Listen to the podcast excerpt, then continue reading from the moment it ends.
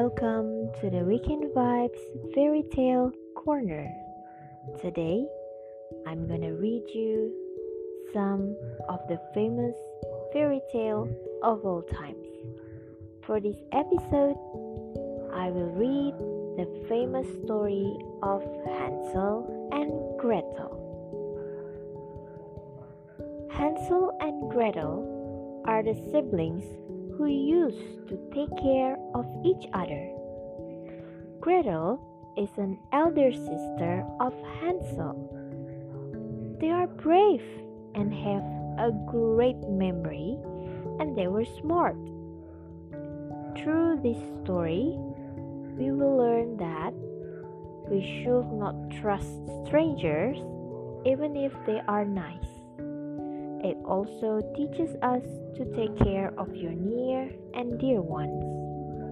If you are in trouble, be a quick thinker and never lose hope. So, this is the story for you.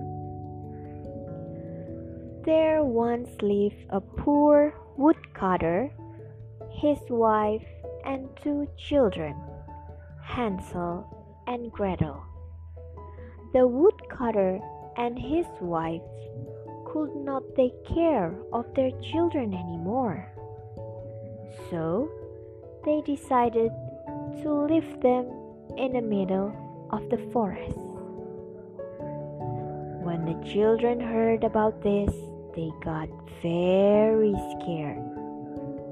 They came up with a plan of dropping pebbles along the way their father took them.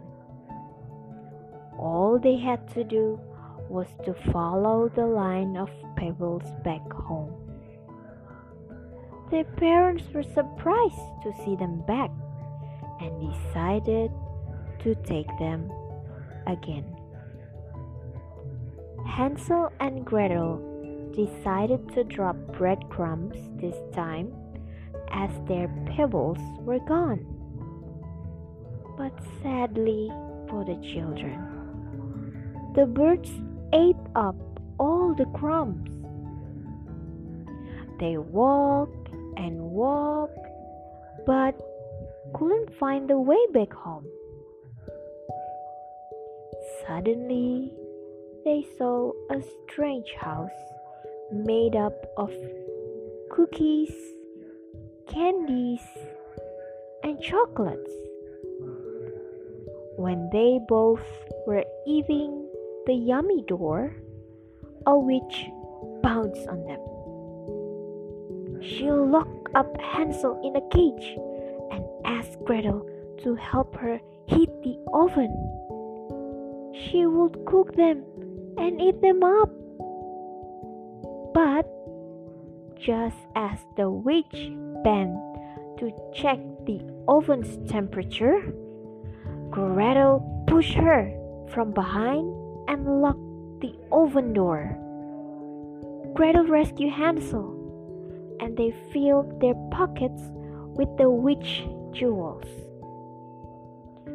Finally, they managed to find their way back home and gave jewels to their parents.